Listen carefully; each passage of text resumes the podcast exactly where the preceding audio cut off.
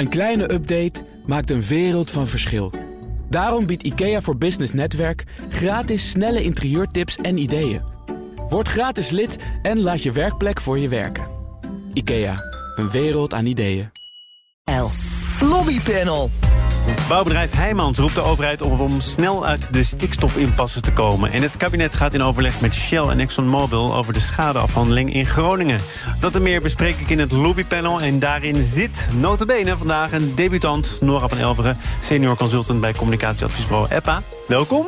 Dank je, Thomas. En Tristan Bond, adjunct-directeur bij VPO-makelaar. Ook welkom. Dankjewel. Niet minder welkom zelfs. Goed dat jullie er allebei zijn. Uh, ik wil graag beginnen bij jullie eigen agendapunten. Nora, wat staat erop? Nou het is natuurlijk een uh, rustige recessweek in Den Haag. Waar het niet voor de voorjaarsnota die vandaag komt... en de klimaatplannen uh, van Jetten.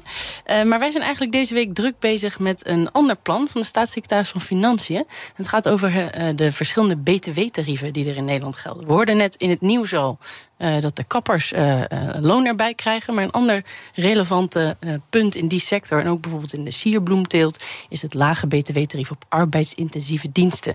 er ligt nu een rapport en wordt voorgesteld om dat af te schaffen. En wij zijn daar met verschillende sectoren naar aan het kijken om te kijken hoe we toch dat belangrijke punt behouden kunnen. Waarom zou je dat moeten behouden? Want dat rapport dat ligt er inderdaad. En daarin wordt serieus overwogen om er eens mee te stoppen, omdat het niet zo heel veel zout aan de dijk zet. Ja, nou ja, dat is het ene rapport. En vanuit de lobby probeer daar dan een ander rapport tegenover te stellen... waar toch uit blijkt dat uh, er baten zijn op het gebied van werkgelegenheid. Maar jullie stellen dan zelf zo'n rapport op? Nee, wij adviseren onze opdrachtgevers uh, hoe ze met dit punt om moeten gaan. Je moet je voorstellen, de lobby rond lage btw-tarieven... die is al meer dan twintig jaar aan de gang. Is ooit in Europa begonnen. Uh, en als je dan eenmaal zoiets behaald hebt... dan moet je dus ook strijden om het te behouden. En dat is eigenlijk een continu proces. Uh, dus dit zijn we nu mee bezig, maar daar moet je dus eigenlijk altijd mee bezig Maar het is wel wat geïntensiveerd, lijkt me zo, omdat er nu een voorstel ligt om er, om er eens mee op te houden. Zeker, maar dat was geen verrassing. Uh, Van Rij is natuurlijk bezig met het uh, vereenvoudigen van het fiscale stelsel. Dat is ook goed. Hè? We hebben in Nederland ontzettend veel ingewikkelde regelingen. Uh, burgers zien door de bomen het bos niet Stoppen meer. met al die toeslagen, heb ik gehoord van de Belastingdienst zelf notabene. Precies, precies. Van een oud GroenLinks-Kamerlid natuurlijk. Ehm, dus dit is gewoon de volgende stap in het proces waar wij nu mee bezig zijn. Tristan, hey. wat wil jij onder de aandacht brengen? Um, nou, de, de, woningmarkt blijft natuurlijk een hot topic. Uh, daar hou ik me elke dag ook mee bezig. En uh, wij zien op dit moment uh, toch wel weer aanleiding om ons druk te maken over de onafhankelijkheid van de taxateurs. daar hou ik mij gewoon mee bezig. We hebben een nieuwe Europese wetgeving die op ons afkomt.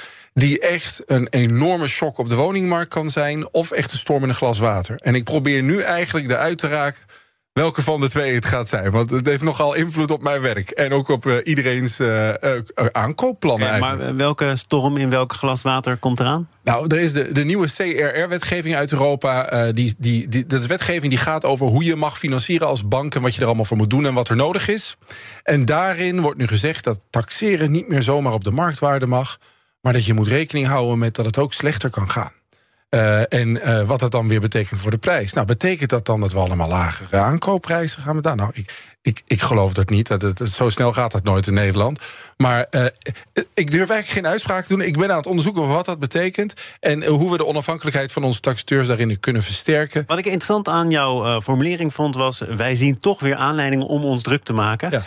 is, is dat ook jouw vak? Ja, ja, dat is ook mijn Aanleidingen vak. zoeken? Ja, nee. Ook al nee, ik zoek ze niet hoor. Over? Nee hoor, die nou, worden mij is... altijd aangereikt met, uh, met veel plezier van allerlei stakeholders en, in de markt en van de overheid.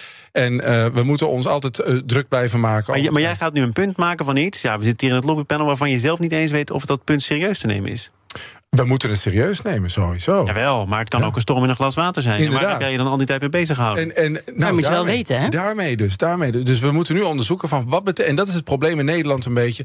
We hebben altijd allerlei Nederlandse wetgeving... Uh, rond taxatie en de woningmarkt en zo... maar die Europese wetgeving sluit daar niet altijd op aan. En wanneer wordt het nu een storm? Dat is als we dus geen manier vinden om dat netjes te implementeren in Nederland. Uh, uh, maar het wordt een storm in een glas water... Als we, uh, als we gewoon al nu ons goed voorbereiden erop en weten wat het betekent. Ik zeg even dat ik het blijf volgen. En dat meen ik. Zeker doen. We gaan naar bouwbedrijf Heijmans. Want die woningmarkt, je gaf het zelf al aan, die is volop in beweging. Maar Heijmans heeft dit kwartaal 25% minder woningen verkocht dan verwacht. En de bestuursvoorzitter Ton Hille pleit voor een snel en doortastend handelen van de overheid. om de impasse rond de stikstofproblematiek en de uh, vergunningen die eraan gekoppeld zijn op te lossen. Dan is het natuurlijk ook wel een uitgelezen moment. Je presenteert cijfers, die vallen niet per se mee. Dus kun je, oneerbiedig gezegd, je plasje nog eens doen over wat jij denkt dat er beter kan. Is dat ook precies wat hier gebeurd is? Nou, dat denk ik wel. Um, je moet natuurlijk kijken naar uh, de achtergrond van zo'n oproep. Um, wat voor een bedrijf is Heijmans? Natuurlijk een Nederlands familiebedrijf dat toevallig dit jaar 100 jaar bestaat, maar is ook beursgenoteerd. Uh, dus wat doe je in je communicatie uh, naar je aandeelhouders. Um, en je ziet ook dat uh, Hille, de CEO, zich niet terugschrikt van ferme taal eerder. Hij heeft bijvoorbeeld zich uitgesproken over de boerenprotesten. Hij heeft zich uitgesproken over uh, plannen van Hugo de Jonge op de huurmarkt. Dus dat past prima in dit plaatje om dit bedrijf ja, in het publieke debat te positioneren en die cijfers in die context te en plaatsen. waarom zeg je erbij dat het een familiebedrijf is? Want het is voor mij in ieder geval op de eerste plaats ook een beursgenoteerd bedrijf. Nou, ik zeg dat erbij omdat uh, mijn ervaring met familiebedrijven is dat zij zich verantwoordelijk voelen voor uh, de omgeving. Uh, en dat zij geworteld zijn in Nederland en daarom zich ook druk maken over issues die spelen in de Nederlandse politieke samenleving. En dat daarom ook verwacht wordt, zowel vanuit de aandeelhouders, maar ook vanuit de werknemers, 5000 werknemers. dat men zich daarover uitspreekt. En in hoeverre kun je dan zeggen dat Ton Hille met deze oproep vooral het maatschappelijke belang voor ogen heeft? Of toch vooral ook, laten we eerlijk wezen, zijn eigen belang dient. Nou ja, ik denk in dit geval, als je het vanuit het perspectief van de woningmarkt uh, bekijkt, dan kijk ik ook even naar, uh, naar jou, uh, dat dat samenkomt. En dat is natuurlijk ideaal vanuit lobbyperspectief. Ja, ideale lobby altijd, hè, als het het kruispunt vindt. Maar ik vind het wel leuk, dus we hebben nu Hille, we hadden, vorig jaar hadden we Bedowski van Boskalis. Uh, zijn ze hun cues van uh, Elon Musk aan het nemen? Is dit een nieuwe lobby dat CEO's zich over van alles gaan uitspreken? Dura uh, Vermeer heeft het ook gedaan. Hè? Ja. Dat is natuurlijk echt een collega van Heijmans. Met de tekst of de bouw inzakt. Nee, die stort in. Ja, hij stort in. Ja, nee, ik, maar ik denk wel, kijk, snel en doortastend op het stikstofdossier, dat is een beetje laat, hè? Dat gaat niet meer. Het kan niet meer snel, het kan niet meer doortastend. We hebben het er nu al zo lang over. Maar ik denk wel degelijk dat, dat hij een punt heeft en dat, dat er een maatschappelijk en een privaat doel is voor hem. Hij wil huizen bouwen, zoveel mogelijk. En uh, in ieder geval de voorbereiding daarvan. En de overheid wil dat ook, maar we, we, we, snel en. Oh, hij zegt dat natuurlijk wel heel duidelijk. Hè? We hebben met elkaar afgesproken dat we 900.000 woningen gaan bouwen. Op deze manier halen we dat niet. En dan kan uh, minister De Jonge volgens mij in dezezelfde week wel zeggen... ik ben nu akkoord met alle provincies. Maar die 900.000 woningen, die heeft hij natuurlijk wel ton Hille achter de hand. Hè? Dat halen we op deze manier niet. Dus moet er een tandje bij. Dus moet er ook in Brabant een tandje bij.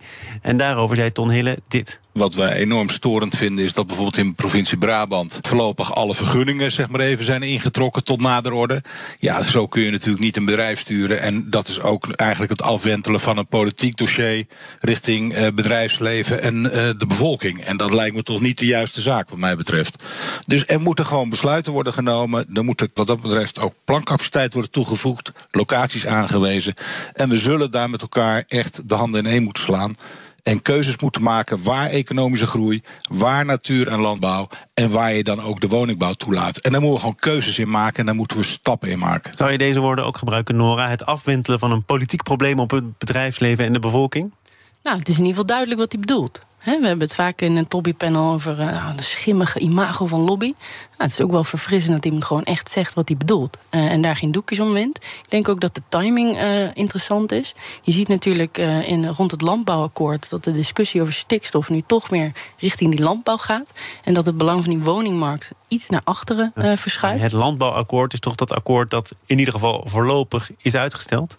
Ja, dat zul je aan de onderhandelaars moeten vragen. Nee, dat is al zo, want het had er al moeten zijn. En nu hebt ze gezegd in de week van 8 mei, dan moet er iets liggen of er ligt niks. Ja, maar wat je ziet in Den Haag is dat de, de politieke spanning zit dus rond dat akkoord. Daar ook in de coalitie. En daarmee lijkt het belang van snelle stappen voor de woningmarkt iets naar achteren geschoven. En in dat kader is het een interessante timing van deze topman. Ja, Hille heeft een goed momentum natuurlijk. Want als je ook kijkt naar. Nou, ik zag de peiling van de Tweede Kamer binnenkomen van de week.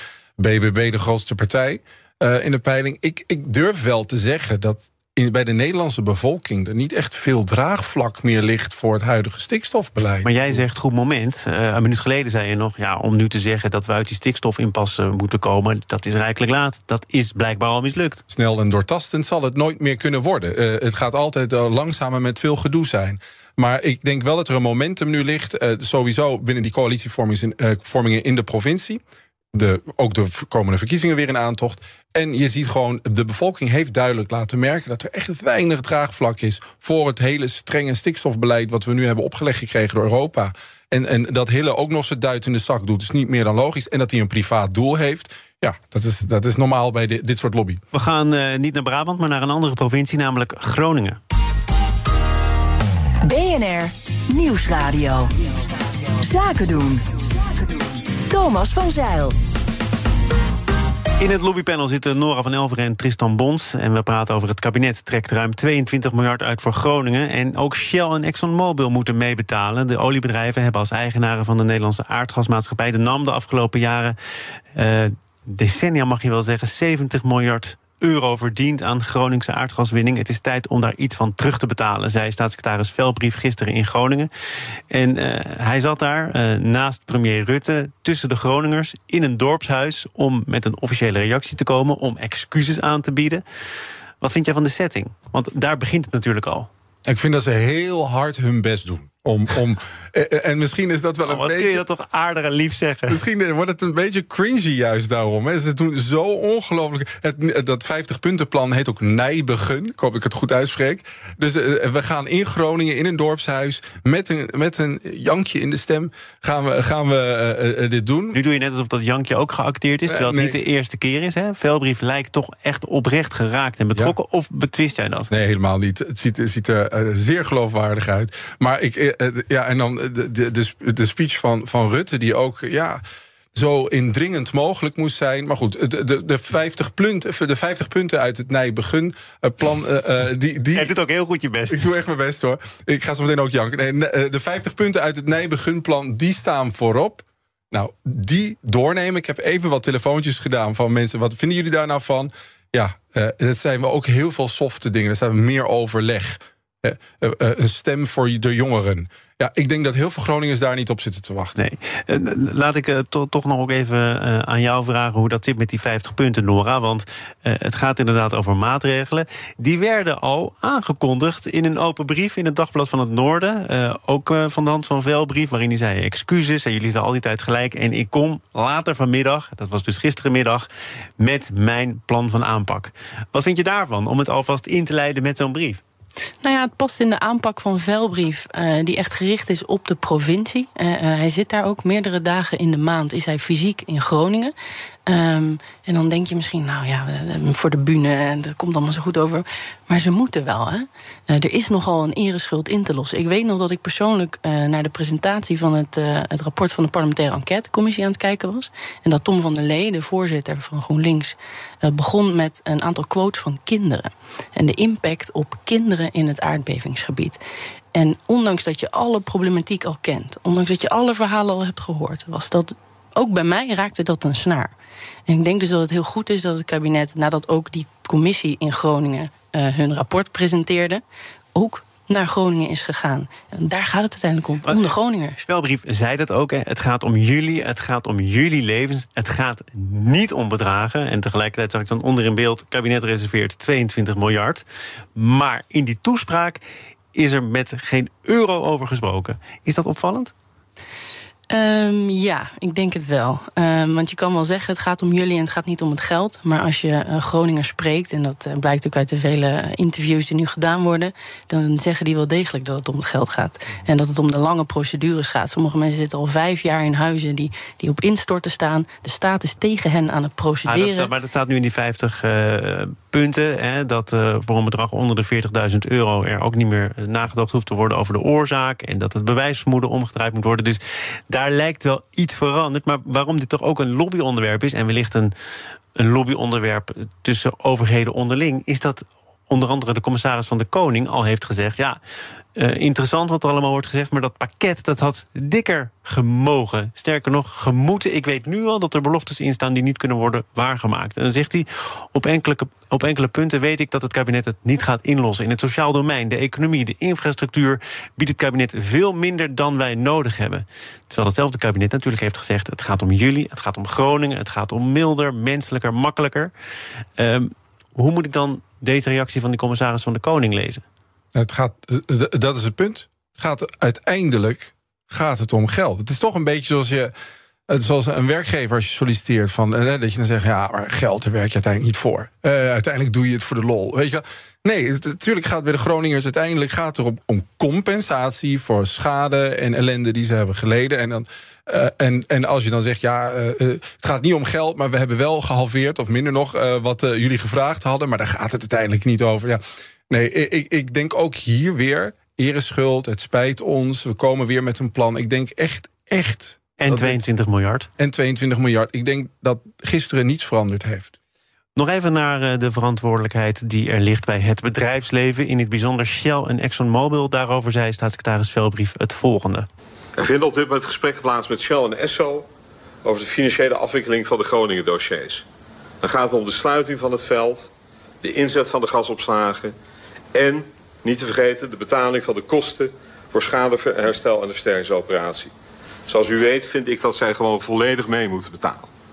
Ook wordt gesproken over een gebaar van beide bedrijven voor de sociaal-economische ontwikkeling van de regio. Onder andere Shell gaf na de presentatie van het rapport van de enquêtecommissie al aan dat er dingen mis zijn gegaan. Er was niet goed geluisterd. De lusten van de gaswinning waren oneerlijk verdeeld. Het waren zaken waar het bedrijf lessen uit moet trekken. Nu deze publieke pandoering, zou je bijna kunnen zeggen, van de staatssecretaris. Want er moet echt nog wel geleverd worden. Uh, kan een bedrijf daar nog uh, iets tegen inbrengen of niet? Uh, ja, dat kan altijd. De vraag is natuurlijk of het verstandig is. Um, en in dit geval zie je nu in de publieke discussie in Groningen dat um, de verantwoordelijkheidsvraag meer op de staat uh, aan het richten is. Dus dat Shell en ExxonMobil iets meer uit beeld raken. Maar dat de staat natuurlijk een deel van dat geld op die bedrijven wil verhalen. En daarbij is het ook wel interessant als je kijkt naar de baten van die gaswinning. Hè. De FD had daar een, een winnend artikel over. Dan is er pak een beetje 450 miljard verdiend.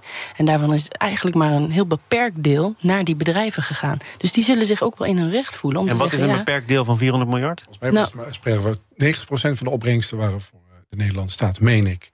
Ja, tussen de 80 en de 90 procent. Ja, we hebben geen uh, factchecker om de hoek. Maar. Uh, waardoor die bedrijven zich ook wel in hun recht zullen voelen om te denken: ja, uh, nu moeten we compenseren. Uh, en daar, daar zullen wij ons steentje aan bijdragen.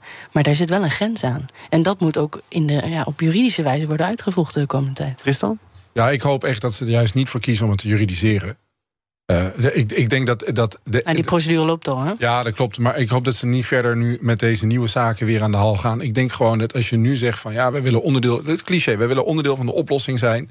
Dat is het enige verhaal wat je op dit moment als ExxonMobil of Shell uh, kan houden. Wij willen he, helpen, onderdeel van de oplossing zijn en niet het probleem zijn. Maar eerlijk gezegd, deze wedstrijd is, is uh, volgens mij al lang uitgespeeld. Op lobbyniveau.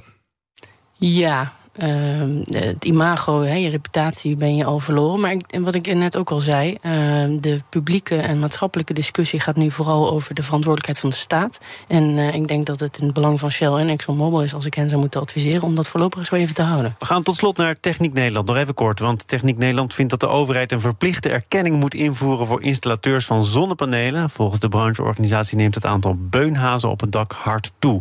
En verschillende media melden daarover uh, verschillende berichten deze week. Maar Techniek Nederland heeft deze lobby al eerder gevoerd. Namelijk in maart van dit jaar. En de, de redactie van dit eh, programma heeft even nagebeld. En het is waar. Naar aanleiding van een recent ongeluk met een niet erkende installateur... hebben ze dat persbericht van maart nog een keer gerecycled. Uh, ja, is dan? Ja? Ja, dus niks mis mee. Ja, niks, jullie pakken hem op. Dus, dus nou, ja, nou, ik zeg niet dat we erin getrapt zijn, maar inderdaad. Uh, we, hebben het er wel over. we hebben het er nu wel over. Uh, en, en, kun je inderdaad zeggen, nou, er is nu weer een, een incident geweest, een ongeluk heeft plaatsgevonden. Inderdaad. We doen het nog een keer. Nou, ze hadden hem in ieder geval door ChatGPT kunnen halen of zo voor nieuwe. nieuwe. Maar de, uh, kijk, ik kom maar in de rij staan. die erkenning van beroepen, dat is dezelfde rij waar ik bij BSK in sta, geloof ik. neem, pak een nummertje.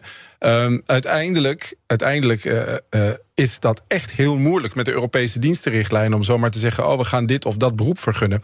Dat is hetzelfde speelveld waar, waar ik mij uh, dagelijks in begeef. Wat natuurlijk wel in Nederland is gebeurd, is er een, is een oplossing gevonden door met de hele markt samen afspraken te maken rond taxateurs bijvoorbeeld. Nou, ik kan mij zomaar voorstellen dat ook Techniek Nederland. En die hebben geen advies nodig, want die hebben echt een hele goede belangenbehartiging. Maar ik kan mij zomaar voorstellen dat Techniek Nederland met Nederlandse verzekeraars kan afspreken dat je huis alleen nog maar verzekerd wordt. Uh, als je je installatie hebt laten doen door. Waarom zeg je het overigens met nadruk dat we zo'n goede belangenbehartiging hebben? Waaruit blijkt dat? Wanneer kun je zeggen die hebben het echt. Uh, nou, mijn ervaring, naar mijn ervaring is dat ze echt heel, een heel goed momentum altijd hebben. Hè, met uh, nu de installatie van warmtepompen en zonnepanelen en zo. En het, het, zoeken van nieuw personeel. Ik bedoel, dat gaat allemaal perfect parallel aan de, aan de, de plannetjes van, uh, uh, van duurzaamheid en van jetten en dergelijke. Dus ja, dat loopt heel mooi samen. Ze kunnen altijd mooi inprikken. Nu, deze is misschien wat te veel gevraagd op het moment. Ben je het ermee eens?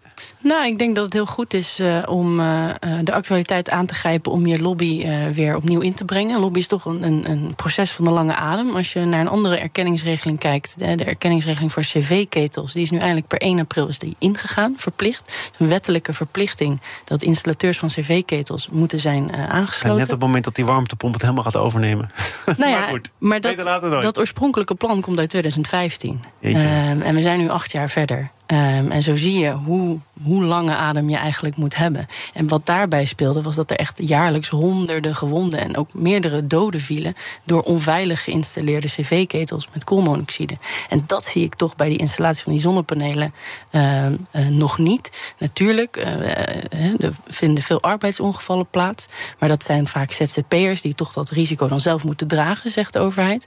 En dat zijn niet, het is niet alsof ze op mensen in hun huizen vallen. Dus ik ik moet nog zien dat het eh, gaat lukken, want het sluit inderdaad maar achteraan aan. Ja, inderdaad. En ZZP'ers worden verplicht een arbeidsongevallenverzekering af te sluiten in de, in de toekomst. Hè. Dus, uh, dus misschien. geregeld. Ja, misschien is dat al geregeld. Maar nee, ik denk echt achter in de rij. Maar, maar je kunt dit gewoon al oplossen door als hele sector breed te zeggen van met de verzekeraars, met de banken, met de, met de bedrijven. Eh, maak, maak een mooi Techniek Nederland register voor die installateurs. Als ze dat niet al hebben overigens. En zeg dat je, dat je alleen op die manier uh, uh, je zonnepanelen mag installeren. Nee, zij hebben dus een keurmerk en ze willen dat iedereen daaronder gaat vallen. Ja, precies. Maar als je, als je afspraken maakt over de gehele branche... dan heb je de facto een erkend beroep. Nou, we sluiten de rij hier. Het lobbypanel was aanwezig. Tristan Bons, adjunct-directeur van VBO-makelaar... en Nora van Elveren, senior consultant bij communicatieadviesbureau EPA. Voor jouw debuut, het zit erop. Dank, tot een volgende keer. Dank, Thomas. dit panel is trouwens te beluisteren als podcast. Hè, dus abonneer je vooral even via je favoriete kanaal of de BNR-app. Zometeen dan uh, praat ik met sterrenchef Richard van Oosterbrugge... die maar liefst vier Michelin-sterren bij elkaar heeft gekookt.